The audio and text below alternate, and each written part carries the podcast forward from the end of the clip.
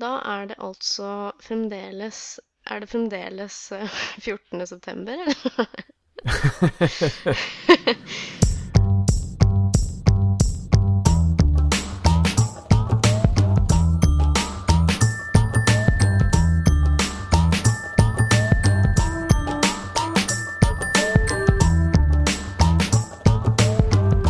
Du hører på Saltklypa, en liten dose virkelighet. Velkommen til Saltklypa, episode 128. I dag er det henholdsvis eh, 14. og 21. september. Skal komme litt nærmere inn på det. Eh, jeg heter da Kristin, og med meg i dag har jeg Lisha Hallo, hallo. og Jørgen. Tjallabais! Ja, eh, dere som hører på denne når denne kommer ut til slutt, skjønner sikkert eh, at vi er litt sånn eh, Jeg merker sikkert at vi er litt seint ute denne gangen. Eh, når man har tekniske problemer, så, så, så hender det at man faktisk kommer i den situasjonen at man må ta opp en gang til. I hvert fall deler av programmet. Men eh, det, det er sånt som skjer, og vi eh, sier ikke nei takk til å møtes til en liten samtale en gang til. Vi gjør, vi, gjør vi vel? Snakk for deg sjæl, da. Ja, eh, jeg, jeg må få lov til å skylde på min eldgamle laptop, som eh, rett og slett ikke viste meg at den hadde gått i hvilemodus når den hadde gjort det. Og litt av opptaket mitt, det var rett og slett borte. Ja. Eh, men det skremmer ikke oss, som sagt. Vi, eh, vi kjører i gang. Fordi eh, jeg altså, jeg er alltid litt sånn egoistisk når jeg har noe på hjertet og med å starte. Jeg har nemlig gjerne lyst til å nevne en liten ting som jeg var på for en liten stund siden. Nemlig det som heter ESAs folkemøte. Vent, vent, har dette noe med romfart å gjøre, Kristin? Følg nøye med, så kanskje du får vite det. Ja, selvfølgelig har du det. Eh, Jeg eh, har jo sagt før, ESA, for de som har fulgt med, er jo da den europeiske romfartsorganisasjonen, ja, kan man kanskje si. Litt sånn som NASA er den i USA, og ja, JAXA er den i Japan og sånn. Så har Europa, eller de europeiske landene, sin egen. Eh, De har eh, totalt 22 medlemsland. Jeg tror faktisk også Canada er med der. Ja. Um, fordi hvorfor ikke? De er med i The Commonwealth, så det er kanskje derfor. Ikke sant? Men eh, eh, det var jo ikke bare bare Altså, det var jo ikke en sånn bitte liten uh, session, det. Altså, dette, dette var faktisk da hele lørdagen jeg eh, tilbrakte. Og det var da Norsk Romsenter i Oslo som hadde Som var vert for dette folkemøtet.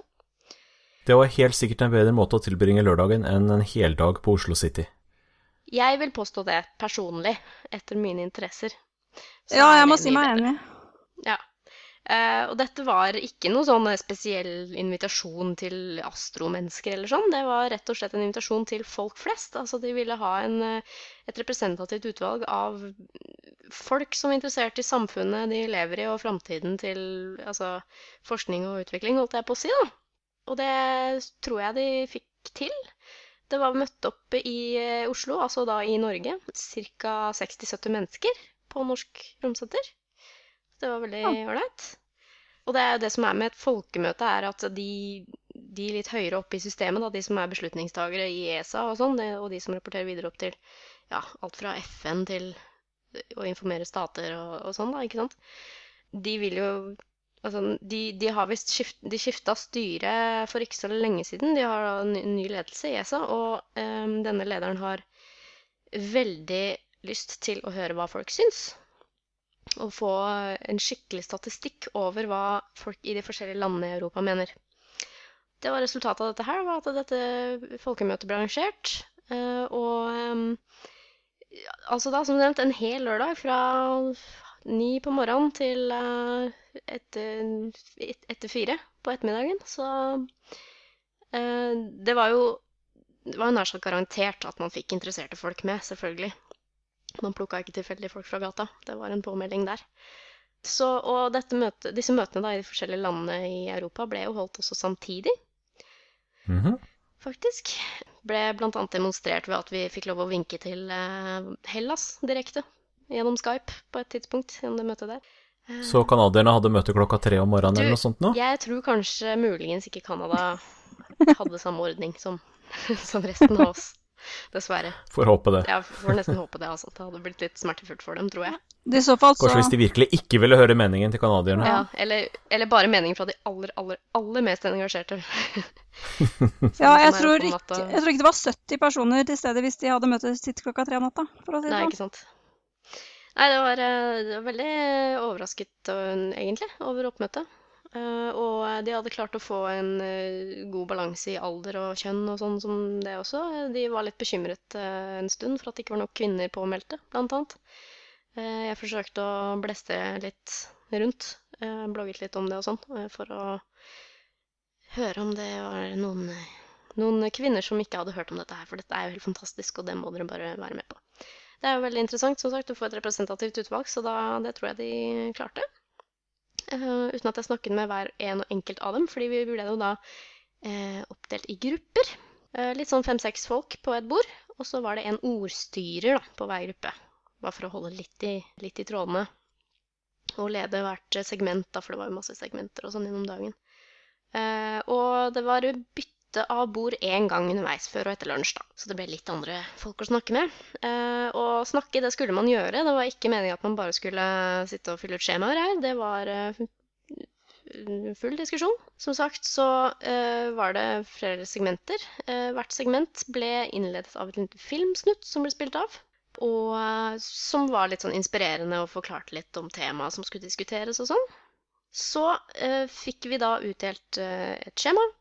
Eh, den hadde noen spørsmål og noen avkrysningsbokser og noen eh, linjer til å skrive på. Før vi fikk lov å eh, fylle ut det, så skulle vi da snakke i plenum.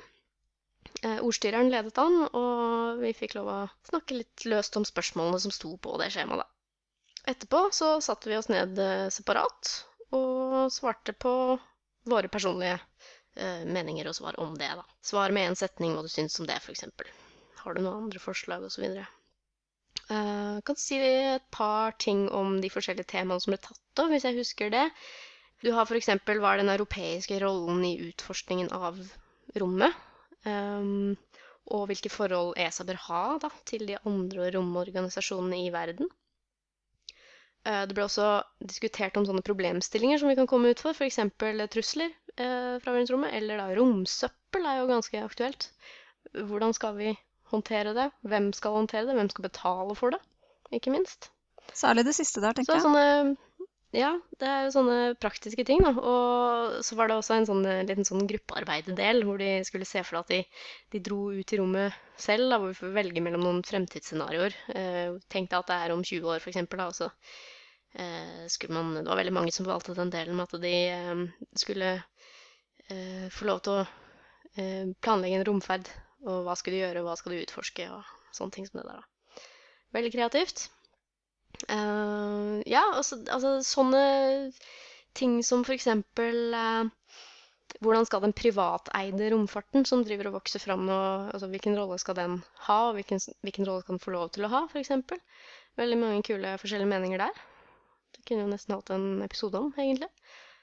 Ja, absolutt. Uh, ja, det var egentlig Altså, vi brukte opp tida vår, altså. Det var eh, mye, mye diskusjoner, mye samtaler og kule folk å snakke med. Eh, Jeg sitter her med masse spørsmål, jeg nå. Ja. Jeg er blant annet eh, med i en Facebook-gruppe som heter Norge til Mars. Var det noe snakk om at Norge skal være først til Mars? um, det ble nevnt at det var noen som hadde lyst til på den der enveisbilletten. Det var det eneste jeg hørte. Ja, ok. ble spurt litt rundt. Men ja, altså det var jo også altså, flere frivillige som jobbet der. Vi må jo få en stor takk. Det var jo litt eh, ansatte fra Norsk Romsenter. Det var eh, eh, diverse sånne romforeninger som hadde tatt seg fri den lørdagen for å komme og hjelpe til. Og da alle forskjellige typer personer. Stort sett glad i å snakke. Alt fra liksom, ja, hva skal jeg si, sånn som meg da som har studert litt og er interessert, og noen, eh, noen som fremdeles er studenter, og noen som rett og slett bare hadde en veldig spesifikk interesse. Og det var jo til og med noen som hadde veldig fargerike teorier om eh, f.eks. hvordan månen egentlig oppsto. Det syns jeg var litt spesielt, da. Å nå! Hadde litt Det aner meg hvilken gjeng det er. ja, eh, litt, litt sånn Hvem var det som konstruerte månen og sånn? Det var jo veldig Ja. Det som er fint med det, da, er at jeg etter veldig mange år som sånn interessert i formidling og vitenskap og litt sånn skepsis og sånne, sånne temaer som det der, så blir jeg litt sånn Greit, da begynner jeg ikke å bli så sinna på sånt lenger. Da syns jeg bare det egentlig er litt hyggelig. De er engasjerte, og de, eh, de krangler ikke. Så det, det er jo så bra. Det var ingen, eh, ingen sånne store situasjoner som oppsto. Det var ingen sånn konspirasjonsdiskusjoner som gikk helt av sporet. Og uten selvfølgelig at jeg vet hva som foregikk på de andre bordene. Selvsagt. Men eh, man, må jo, man må jo også tenke litt sånn at når det er åpent for alle, eh, så vil jo alle slags sannsynligvis møte opp. Selvfølgelig. Så Det er jo mange som følger ekstra godt med på dette her, og får eh, vite at de får sjansen til å ja, komme med sine innspill og meninger. Og, og ja, det var jo flere av disse som var helt ærlige på at eh, jeg kan ikke noe særlig om dette her, men jeg er veldig interessert i å lære, og jeg er veldig interessert i akkurat det ene tingen. Og så, ja. Nei, det var Jeg syns det var ordentlig kult. Jeg gjør det gjerne igjen. Nå skal jo um, nå skal jo resultatene av dette her da plottes inn og ja, samles og samkjøres og konsolideres, eller hva det heter. Og dette da for, for, forhåpentligvis bli en nyttig databank eh, for disse her høye herrene i ESA. For nå skal de ha på en måte sitt eh, si ministermøte, da, eh, snart. Hvor eh, altså innspillene fra folkemøtet blir Folkemøtene, kan jeg jo si, blir eh, tatt med. Og hvis det bærer frukter, hvis det er en, eh, en bra ting som de får nytte av, så kan det hende det blir et nytt folkemøte om kanskje tre-fire år. Sånn Det det. blir spennende å se om de bare bruker det for å si til folk at jo, nå har vi eh, hørt hva folka har å si, og så ignorere det, eller om det faktisk kommer noe ut av det.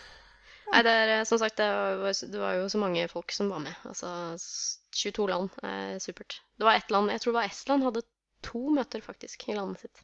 Ja. Det var det eneste som hadde ett. Så veldig kult. Og anbefaler, hvis dere får sjansen til å være med på et sånt folkemøte, altså det trenger ikke være om romfart, men sånn ja, citizen debates, da, som det heter på engelsk. Veldig kult. Og litt, eh, litt ut av komfortsonen for meg, som eh, nei, egentlig er sånn som egentlig sånn liker å høre på. Men nå måtte jeg på en måte være med en hel dag. Yes. Nei, så eh, igjen, kul lørdag for meg og for alle som var med. Det tror jeg. Kult. det er så kjempebra.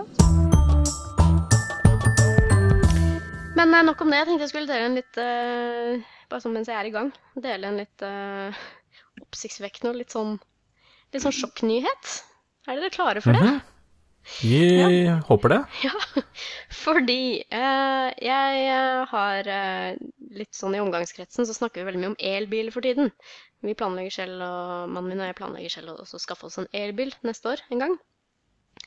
Uh, og så har vi et vennepar som er veldig interessert i det også, og vi deler masse linker og sånn. Og så var det da en uh, dag hvor jeg fikk denne linken eh, servert i fleisen fra Dagens Næringsliv Mhm. hvor det var kommentar at ja, det er enda en grunn til å skaffe seg elbil. Uh, da er det da en litt sånn oppsiktsvekkende oppdagelse som eh, jeg har følelse av at de forskerne som har publisert her, eh, er litt uh, engstelige for at de ikke har brydd seg om før. At de ikke har oppdaget det før. Aha. Det handler om svevestøv fra biltrafikk. Eh, det er jo ikke noe eh, nytt at svevestøv er eh, kjipt for lunger og sånt som det her. Som astmatiker så er jo det noe jeg bryr meg om. Eh, Ja, det er jo en velkjent problematikk. ja, og det var jo ikke så lenge siden man kunne lese i eh, mediene at eh, 185 personer dør eh, tidlig eh, i Oslo hvert år pga. svevestøv. Det er jo ganske Det er jo en grunn alene Det er til tider ganske ille her, ja. til å bry seg om det. Så jeg, jeg ønsker velkommen alle sånne ja, pengebaserte hindre for å, at svevestøv skal eh, vokse her i byen, i hvert fall. Men eh, det er veldig lite forska på hvordan hjernen påvirkes av svevestøv fra biler og sånn. Og da er det da såkalt ny forskning um, i um, det som heter Proceedings of the National Academy of Sciences, PNAs. Det som de hun eh, Cara i eh, The Skeptics Guide to the Universe-podkasten syns er så morsomt, for da sier de 'penis'. Syns jeg er veldig morsomt. Det er publisert der. Det er jo en respektabel journal, det. Og da er det da en studie uh, som viser at uh, Eh, ja, det er en, en type små, små, små jernpartikler som heter så mye som magnetitt-nanopartikler. Eh, de fins naturlig i hjernen på oss, som så mye annet fælt. Det er mye som finnes naturlig i kroppen som, eh, som Ja, altså Magnetitt er ikke fælt i utgangspunktet. Det er en viktig del av eh, jern. Ja. Eh, men så, så står det her da gjengitt i Dagens Næringsliv at for hver naturlige bit med magnetitt, så oppdager da disse forskerne i denne studien som er publisert For hver naturlige bit så oppdager de 100 magnetitter skapt av de høye temperaturene som oppstår når vi bruker bilene våre. Det vil si en gasse med dem eller bremse med dem. Hm. Eh, ja, 1 til 100, ja. Så det Altså, ja. Hva sier dere om det? Det var jo litt av et uh, størrelsesforhold. Ja, ikke sant? Hadde det vært liksom uh, 10 er fra biler, men her er det snakk om 100 ganger flere, altså. Uh, og det er Men jo da klager ikke folk på at de får for lite jern? Ja, ikke sant. Nei, det høres jo ganske man- skummelt ut. Nei, problemet er at man- det er jo ikke forsket hva, hva som skjer når man blir eh, utsatt for sånne partikler i så store mengder som det folk som ja, f.eks. da bor i byer, blir utsatt for. Mhm. Og eh, reaksjonen til disse mm, eh, forskerne har jo nådd overskriften i eh, Dagens Næringsliv. eh, og den overskriften den lyder jo 'Det er forferdelig sjokkerende'. Intet mindre. Litt smør på flesk der. Ja, eh, så, så de har jo da trukket ut eh, hjernevev eh, og forsket på det. eh, sannsynligvis da folk som er allerede døde, selvfølgelig. Eh, og funnet da millioner av sånne partikler i et enkelt gram med hjernevev. Å hei. Eh, og hver enkelt av disse her kan jo gjøre skade, for alt vi vet. Det er vel nettopp det, man vet ikke det. Man vet jo ikke. Hvis det. nettopp er oppdaget, så har man ikke funnet ut Nettopp. Noe om det nå? Også, men så må man jo trekke frem skrekkscenarioet her, da. Fordi at eh, en av disse forskerne påpeker jo det at det er ikke konstatert noen uh, sammenheng mellom eh, disse her magnetittpartiklene og forekomst av eh, sykdommer som, eh, altså, som er degenerative i hjernen, da, sånn som Alzheimers f.eks. Det er jo ikke det. Eh, men han eh, David Alsop, tror jeg han heter. Det er skrivefeil i Dagens Næringsliv. Så det, var, det tok meg litt tid å finne frem artikkelen, siden det er skrivefeil i etternavnet hans. David Alsop eh, han eh, påpeker at det er ikke noe sammenheng. Eh, men eh, Det vet man vel han, ikke. han føler da, sånn educated guess regner jeg med, da, at det kan være en sammenheng. Og at det virkelig er noe som eh, bør gås i sømmene. Mm. Så ja, hva, hva tenker dere? Er dere redde for å bo i byen? Jeg har jo alltid kjent litt på dette med forurensning. Jeg merker det jo der jeg bor. Eh, Men akkurat hjernen har jeg ikke vært så bekymra for, for stort sett så er jo barrieren til hjernen veldig sikker mot de fleste angrep som eh, vi i hvert fall biologisk er vant til å bli utsatt for. Det er nettopp det. Så jeg har ikke tenkt på muligheten for at det kommer metaller inn der, altså. Det som står i Nei, det- abstracten eh, til denne artikkelen, da, er jo det at den, eh, de kan, disse partiklene kan få direkte adgang til hjernen via det som da på engelsk heter the olfactory bulb. Hva er det nå det er på norsk igjen, da? Beklager, da kan jeg ikke hjelpe deg. Det er jo ehm, Det er jo da ehm, Jeg vet jo at det har noe med nesen å gjøre, men jeg vet ikke hvor. Og alle som er utdanna innen eh, medisin, bare Å, kom igjen, da. Kom igjen. Nei, men i hvert fall. eh, Det er jo da en eh, del av hjernen som har med luktnerver, eller ja, å gjøre. Så kom inn gjennom nesa, da, sannsynligvis. Sånn cirka. Ja. Fordi når man, når man trekker partikler inn i nesa, så sitter jo disse nervene da, eh, ganske nærme der og tar direkte imot. Og når disse partiklene er så små som de er, da, så vidt jeg har skjønt, så er ikke det noe problem for dem å eh, rusle inn i hjernen og gjøre eventuell da muligens skade. eh, Mm. Som vi da ikke vet omfanget av enda. Så det var dagens skrekkmelding. Må være litt sjokknyheter her i Sandklypa også. Ja, jeg, Mm. jeg ble så litt lytterne eh, skremt. Har du noen flere sjokknyheter eh, til oss, Jørgen? Ja, det får vi si. I hvert fall, vi må jo stole på et nettside som heter forskning.no. Ja. Og Man er vel tilbøyelig til å gjøre det, ja. Ja, man, Man er tilbøyelig det. til det, for de har liksom spesialisert seg på forskning, så da kan de vel det. Eh, de har nylig hatt en eh, overskrift eh, som også kan skremme litt folk, som kom litt overraskende på meg, hvor det står at 'snus like farlig som røyking'. Oi, oi, oi, oi. Ja, og det er jo ikke akkurat det jeg har hørt før, fordi røyk og sånn, det skaper jo kreft i lungen, og det gjør vel ikke akkurat snus. Så den der syns jeg var litt sånn litt overraskende. Litt skummel. Ja, for det er snakk om like farlig eller farligere, har jeg skjønt da. Ja, Øh, hvis man leser ingressen også, som er en ikke altfor lang setning, så hører man at det, overskriften kanskje tok munnen litt for full der. For ingressen under er En stor studie viser at snusing kan øke risikoen for hjerte-karsykdommer minst like mye som røyking. Det Så vi snakker snakker altså ikke om like farlig som røyking generelt, men akkurat når det gjelder hjerte-karsykdommer. Det er det som har vært Aha. undersøkt. Men hvor, farlig, hvor stor er risikoen for hjerte-karsykdommer med røyking, da? I forhold til lungekreft, f.eks.? Det er vel det som er Eh, spørsmålet her, da. Forholdstallene der kan jeg ikke, men, men hjerte-karsykdommer er en alvorlig konsekvens av røyking, så det skal man ikke kimse av. Det er definitivt en, eh, en av de skadelige tingene ved røyking. Eh, Men så var det en som skrev en eh, Altså, det som er funnet, da, eh, for å ta det, eh, er at det er noe med De har målt noen sånne sammentrekninger av blodårene, og jeg er definitivt ikke kompetent til å skildre dette på en god måte. Så nå kommer sikkert noen medisinere til å skrike inn i podkastapparatet sitt og hvor dårlige vi er. Men Dette er den episoden hvor alle medisinerne bare kaster masse mail på oss og sier dere må forberede dere bedre. Ja, beklager. Har ikke fritid om dagen. Nei, Sånn er det. Eh, men altså, eh, noe av problemet med røyking er at blodårene stivner til en viss grad, og det medfører da hjerte-karsykdommer. Right. Og så har de målt dette på et utvalg personer. Det er en stor studie. De har starta med 1500 friske menn fra Nord-Trøndelag, vel å merke. I den grad eh, den ja, Verdalen.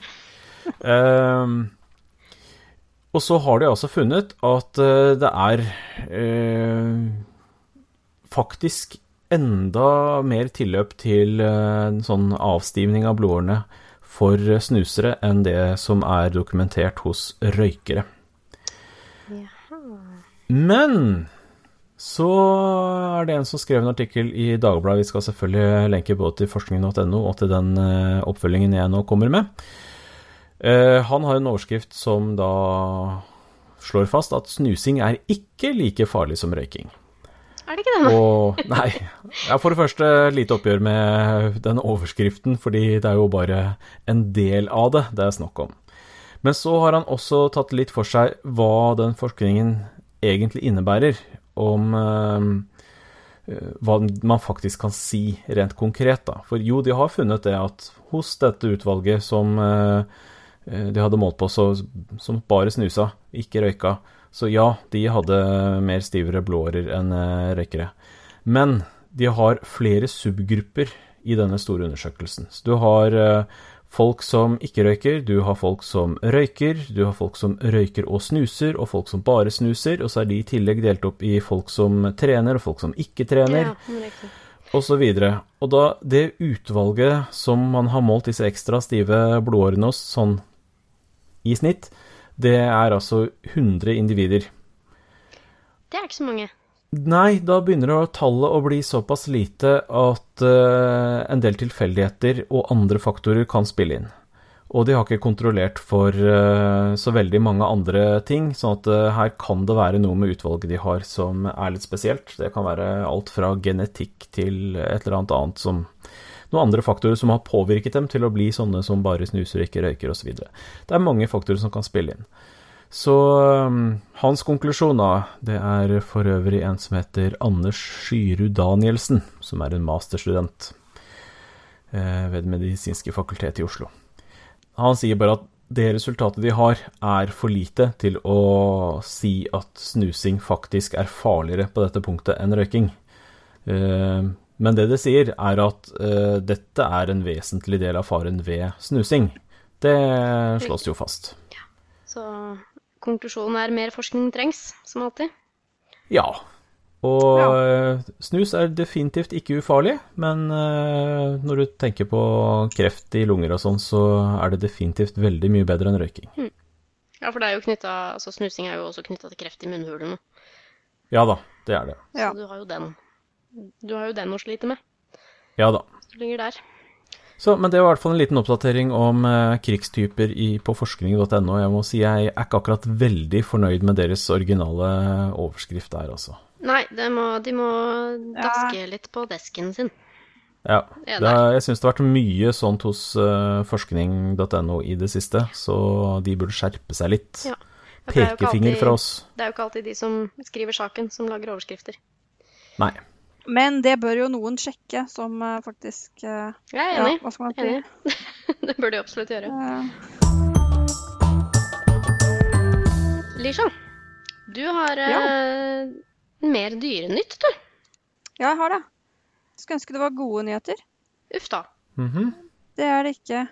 Uh, dere og noen andre som kjenner meg som kanskje hører på dette, vet jo at jeg er veldig interessert i elefanter. Eh, mitt Ja. favorittdyr på det nærmeste. Og de sliter jo Mhm. noe veldig av de afrikanske elefantene. Men man har jo ikke visst hvor mye de sliter. Det har vært egentlig mye sånn educated guesses, og det har vært vanskelig For det er jo mange land som de lever i, uh, med forskjellig politikk, forskjellig, så det har vært veldig vanskelig. Men nå har man sammensatt, uh, og man har samarbeidet over landegrensene og virkelig, virkelig et kjempe, satt i gang et kjempe, kjempeprosjekt for å telle alle Ikke alle elefantene, men alle savanneelefantene. Altså Loxodonta africana. Um, og det ble sluppet, skal vi se, det var vel Var det den 31. august, resultatet av dette her? Så nå, nå er det ikke bare et, et overslag, men nå er det jeg en folketelling. Ehm, og den viser da dessverre at antallet er mye lavere enn det man har trodd. Mhm. Mm. Ehm, det, er, det er tre land som ikke har vært med. Det har, man har ikke sett, sett over i Sør-Sudan og Sentralafrikanske republikken eh, pga. at det er så mye kri krigshandlinger. Da. Det er vel ikke akkurat krig, men det er væpnet konflikt. Og Namibia har ikke sluppet sine tall, og de har jo i hvert fall en del elefanter, men tallet er veldig lavt. Eh, det er bare drøyt 350 000 de har klart å finne. Og da skal det sies at i 1979 det er jo ikke så himla lenge siden. Det er i min levetid. Det er bare 35 år siden. 37 år. Da var det 1,3 millioner. Ah, Oi, shit. Og nå er det De har funnet 352 271 dyr. Og de har jo funnet at det er steder hvor man innbiller seg at man gjør en forskjell, og det gjør man overhodet ikke. F.eks. i Etiopia så har de et område som de kaller et elephant sanctuary. Eh, mm. Der er det Og det, det området, da, eh, det er en del av Afrikas Horn, og det området er jo så stort, det er jo så stort som Mexico. Og der fant de én flokk på 36 elefanter, og det var alt. Og det kaller man et elephant sanctuary, ikke sant. Det er jo helt ehm, Det er bare på 10-20 år siden så har det forsvunnet så utrolig mye. Man, man, man har sett også litt hva elefantene selv prøver å gjøre med det. Eh, F.eks. i Angola eh, så er det ikke elefanter nå. De, når det var borgerkrig der, så var de, da holdt de seg unna. Men etter krigs... Etter, hva sier jeg, etter freds, eh, fred ble erklært, altså det ble slutt på krigshandlingene, så kom de. Da tok det liksom en uke, så kom de. Men da begynte Mhm. selvfølgelig um, poaching, krypskytteriet, tok seg Mm. opp, og nå holder de seg unna. Mm. Nå er det De vil ikke til Angola, de vil ikke til Zambia. Så nå er det Botswana da, som er hva skal man si, siste skanse. Eh, og der gjør jo myndighetene veldig mye.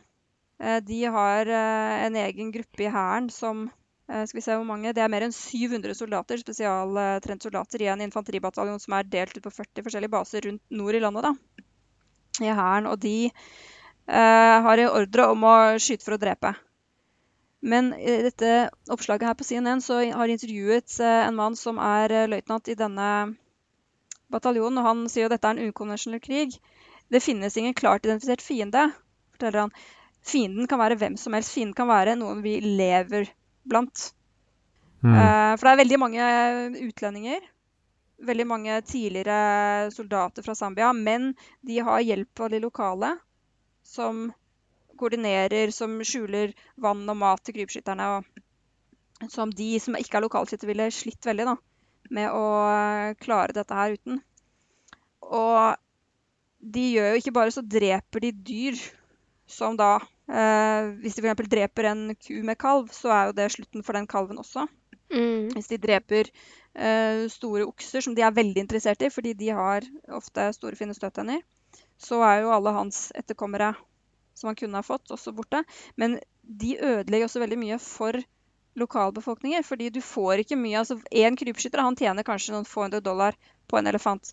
Men i sin levetid, hvis elefanten får leve et normalt liv og lever da i områder som nord i Botswana, hvor det er mye turisme, så kan den tjene inn en million dollar for lokalbefolkningen Mm. i sin levetid. Nettopp. Sånn at det er liksom Det er ingenting positivt ved det. Selv for folk i disse områdene så ville det vært mye bedre å la dem leve. Uh, men det gjør man ikke, og de har nå en uh, eh, Hva heter det? Declining rates for 8% Altså det dør mange flere uh, enn det fødes. Hmm. Sånn at i 2025 så kan det være det er halvert ned i 160 000. Uh, og hva Altså før eller senere, ikke sant, så stopper det opp. Fordi uh, Og det er jo, nå skal jeg si, det skyldes ikke bare krypskytteri, det skyldes jo også at leveområdene innskrenkes og fragmenteres. Og før eller senere så har du en gruppe som er såpass liten og ikke har tilgang til andre grupper, at den ikke er levedyktig. Mhm. Pga. at det ikke finnes uh, stor nok uh, genetisk bredde til at sunne dyr blir født. Og det finnes kanskje ikke, ikke sant eh, Dette har man jo sett tidligere, at man har oppdaget at dette dyret var ikke så utrydningstruet som vi trodde, for her har vi en stor ny populasjon. Men så er disse populasjonen består av gamle dyr ikke sant, som ikke reproduserer seg lenger. Eh, eller som i, eh, i Belize fant man en stor populasjon med eh, røde araer.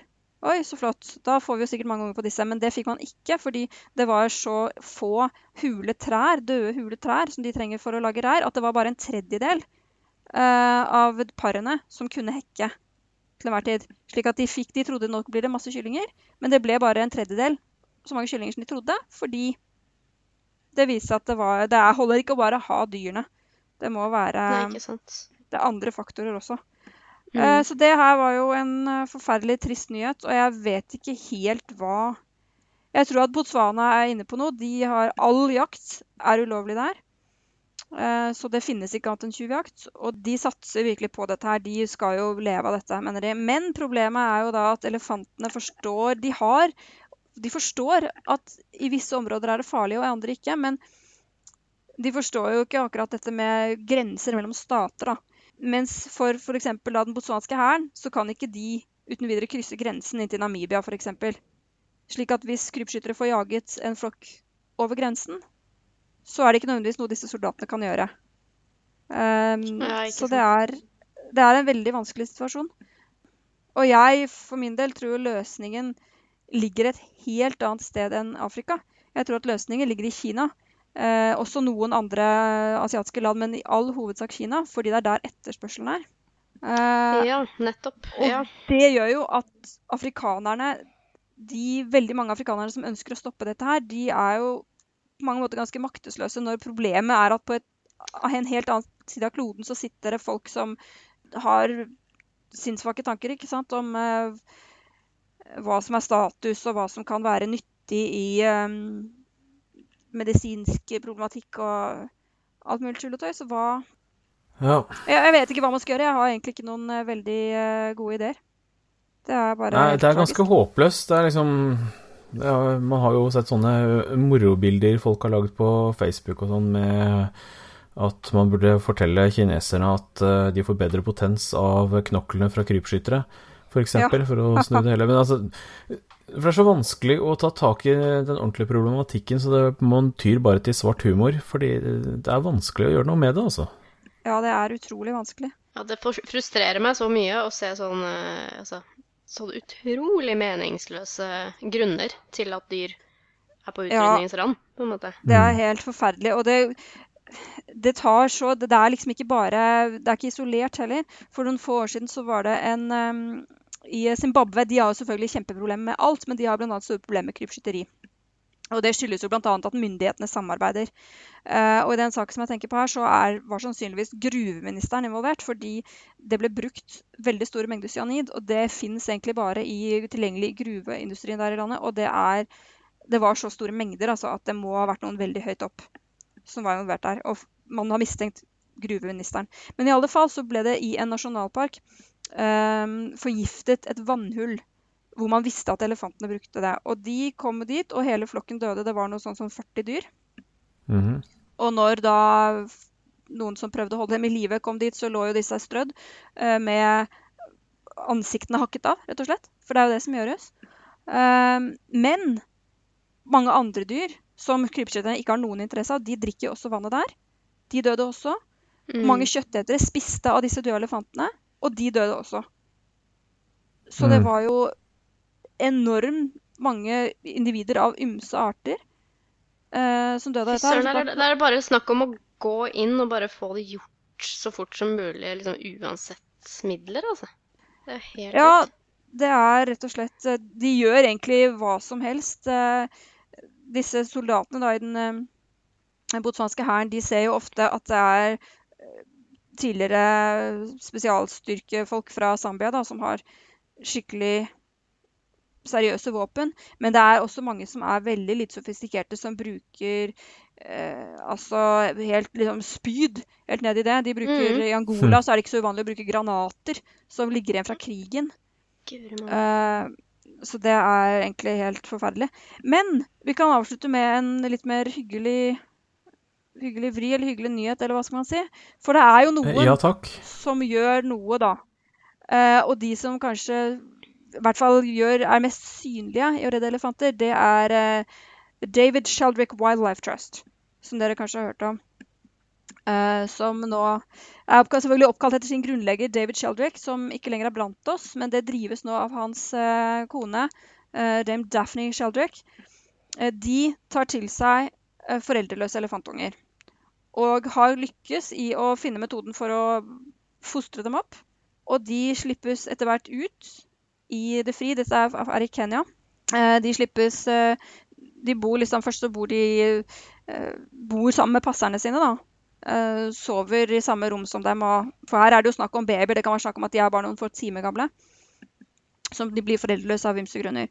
Og de flyttes etter hvert ut til liksom større og større flokker, og til slutt så introduseres de til det fri. Og da får de klare seg selv. Og de klarer ofte å hva skal man si, integrere seg veldig godt med de, eh, med de eh, ville elefantene som også lever der i Tsavo nasjonalpark i Kenya. Og nå var det nettopp fortalte David Sheldrick Wildlife Trust at en av elefantene deres, som ble reddet i 2004 eh, Hun var bare et år gammel, og der var det løver i nærheten. Så de hentet henne og fikk reddet henne.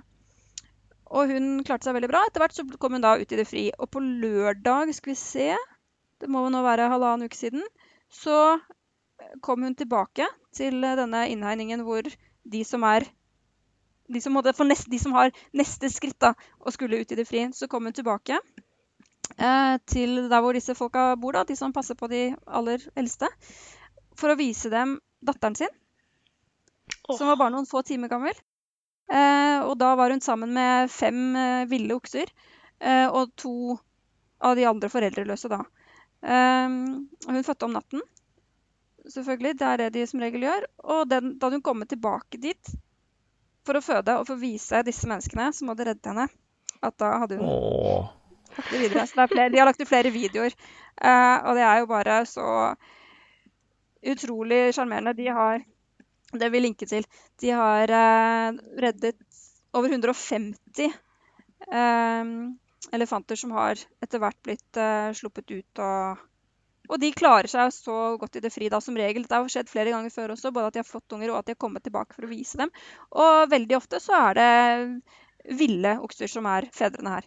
Så de har klart å på en måte de, de kan liksom elefantspråket. Selv om de har vokst opp og blitt oppdratt av mennesker, så klarer de å passe inn og få, det, få livet til å fungere. Eh, så selv om det da er 27 000 elefanter som blir drept i året um, Dette var da savanneelefanter, Loxodonta africana. Så, og det samme er jo sant, dessverre. Så tallene på Loxodonta cyclotis, skogselefanter, det synker også veldig. Uh, men det skjer altså også fine ting.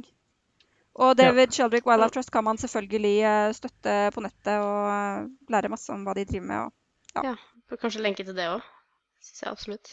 Det er sikkert flere enn uh, deg, og selvfølgelig da oss, som er uh, glad i dyr. Ja, det regner jeg med. Ja.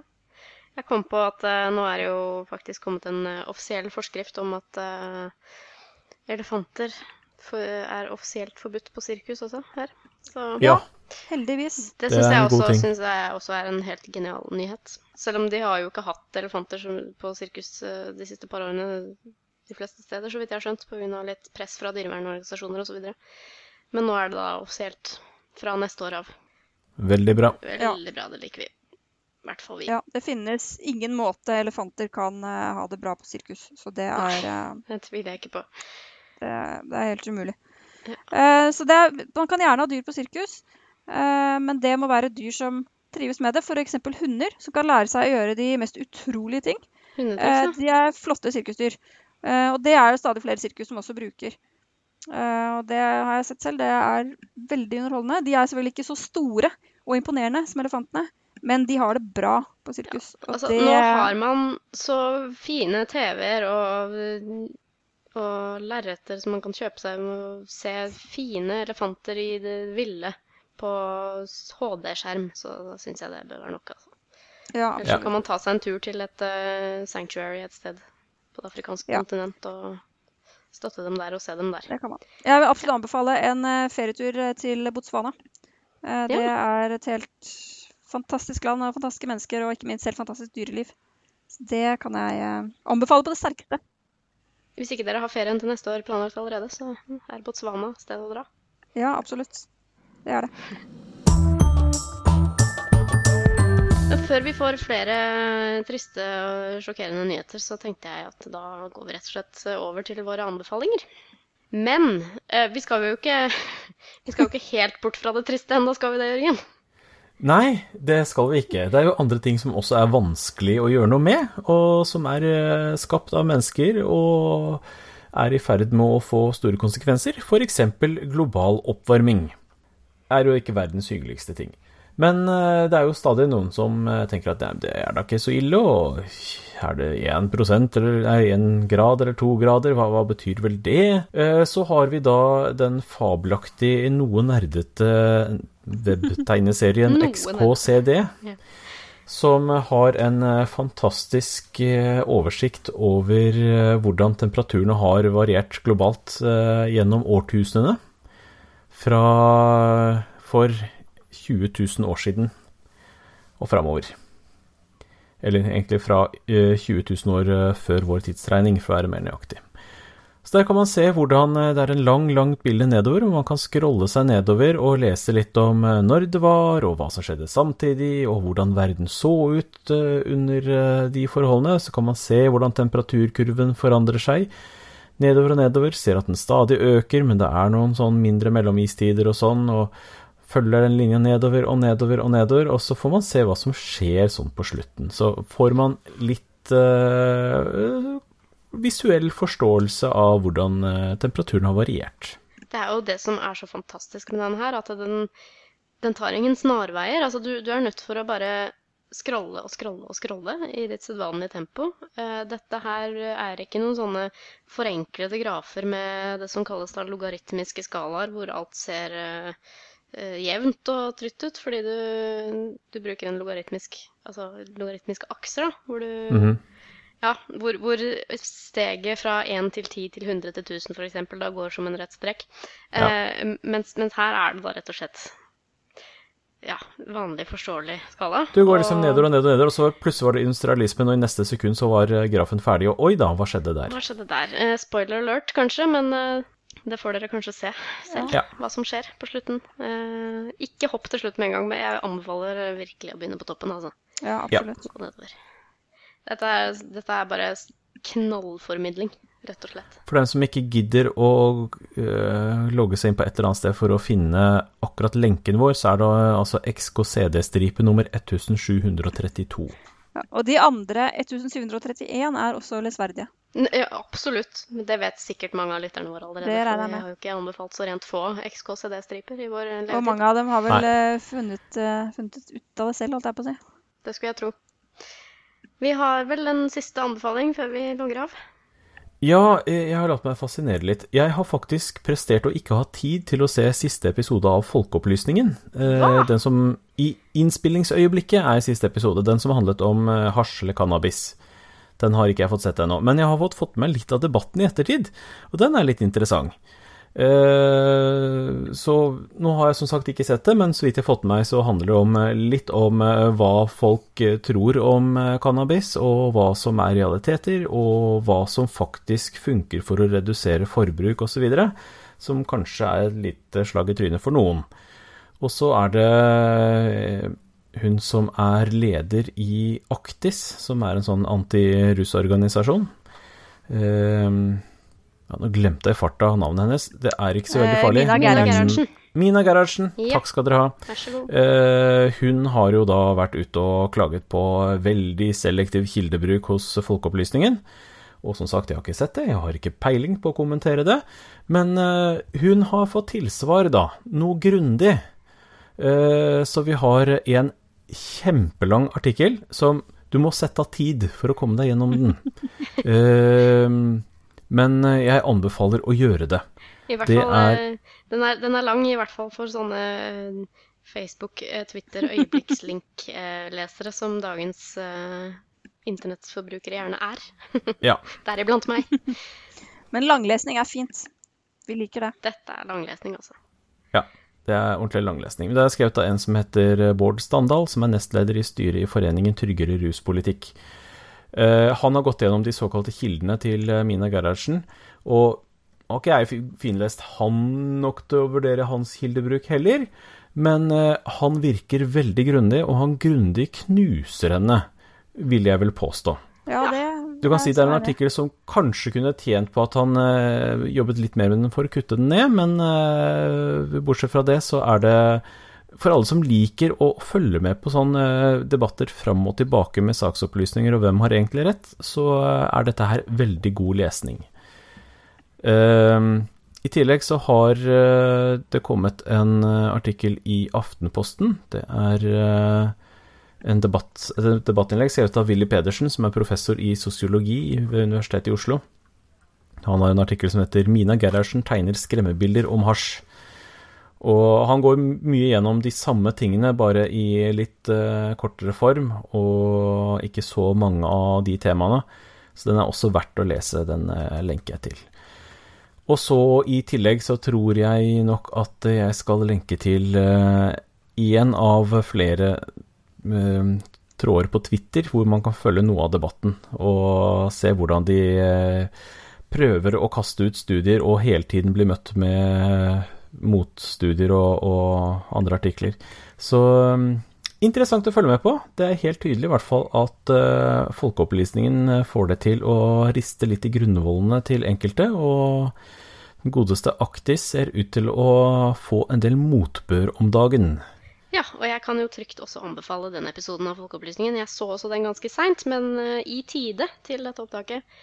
Og må bare la meg eh, skrekkblandet fascinere over vår eh, kjære justisminister eh, Anundsen Ja, det var ikke Den så har jeg fått med meg. fra Frp, som prøver da å si at ja vel, sier du det, herr Andreas Wahl, at du har forskning som sier ditt og datt, men min forskning sier faktisk det motsatte. Og så spør eh, Andreas eh, ja, kan, du, kan jeg få lov til å se på den forskningen? Og så, og så sier Anundsen at ja, det kan du. Og så får Andreas den forskningen, og så ifølge Folkeopplysningen så er den forskningen den består av fire ting. Eh, det er det er et par avisartikler, noen magasinartikler, så det er jo ikke forskningsartikler. Og så er det én forskningsartikkel som ikke sier noe om det som de blir spurt om her i episoden. Og så er det en upublisert eksamensoppgave av en medisinstudent fra Sverige. Eh, Så det er da det totale forskningen som eh, vår justisminister ville motsi eh, et samlet forskningskorps på verdensbasis med. Så det er ganske Ja. underholdende. I hvert fall for oss som er interessert i, i forskning og hvordan man forsker sånn på, på lekmannsbasis, så er jo det ganske underholdende. Og litt trist. Ja. Ja. Men som vanlig når vi tar opp, så er det straks en ny episode av Folkeopplysningen. Jeg vet ikke om jeg får den med meg i dag heller, men jeg skal prøve. Ja, nei, Vi bør i hvert fall avslutte, så jeg har en sjanse. da, da passer det kanskje å sette en strek her i dag. Ja. Det passer også å sette en strek eh, for min del, fordi eh, jeg tror kanskje at eh, laptopen min dør av heteslag. Da. Så for å unngå at opptaket mitt går i vasken, så tenker jeg at jeg sier takk til dere som var med meg i dag. Jo, selv takk. Takk i like måte. Og takk til dere som hørte på. Og til eh, neste gang så sier jeg bare eh, takk og farvel og ha det bra. Saltklypa lages av Kristin Lisha, Jørgen og Bendik. Har du spørsmål, anbefalinger, ris eller ros, send det til post at saltklypa.no, eller finn oss på Facebook. Lenker til alt vi har snakket om i episoden finner du på saltklypa.no, hvor du også kan abonnere på podkasten for å få hver episode levert på døra helt gratis. Takk til Smart 9000 fra Evig poesi som har laget kjenningsmelodien vår.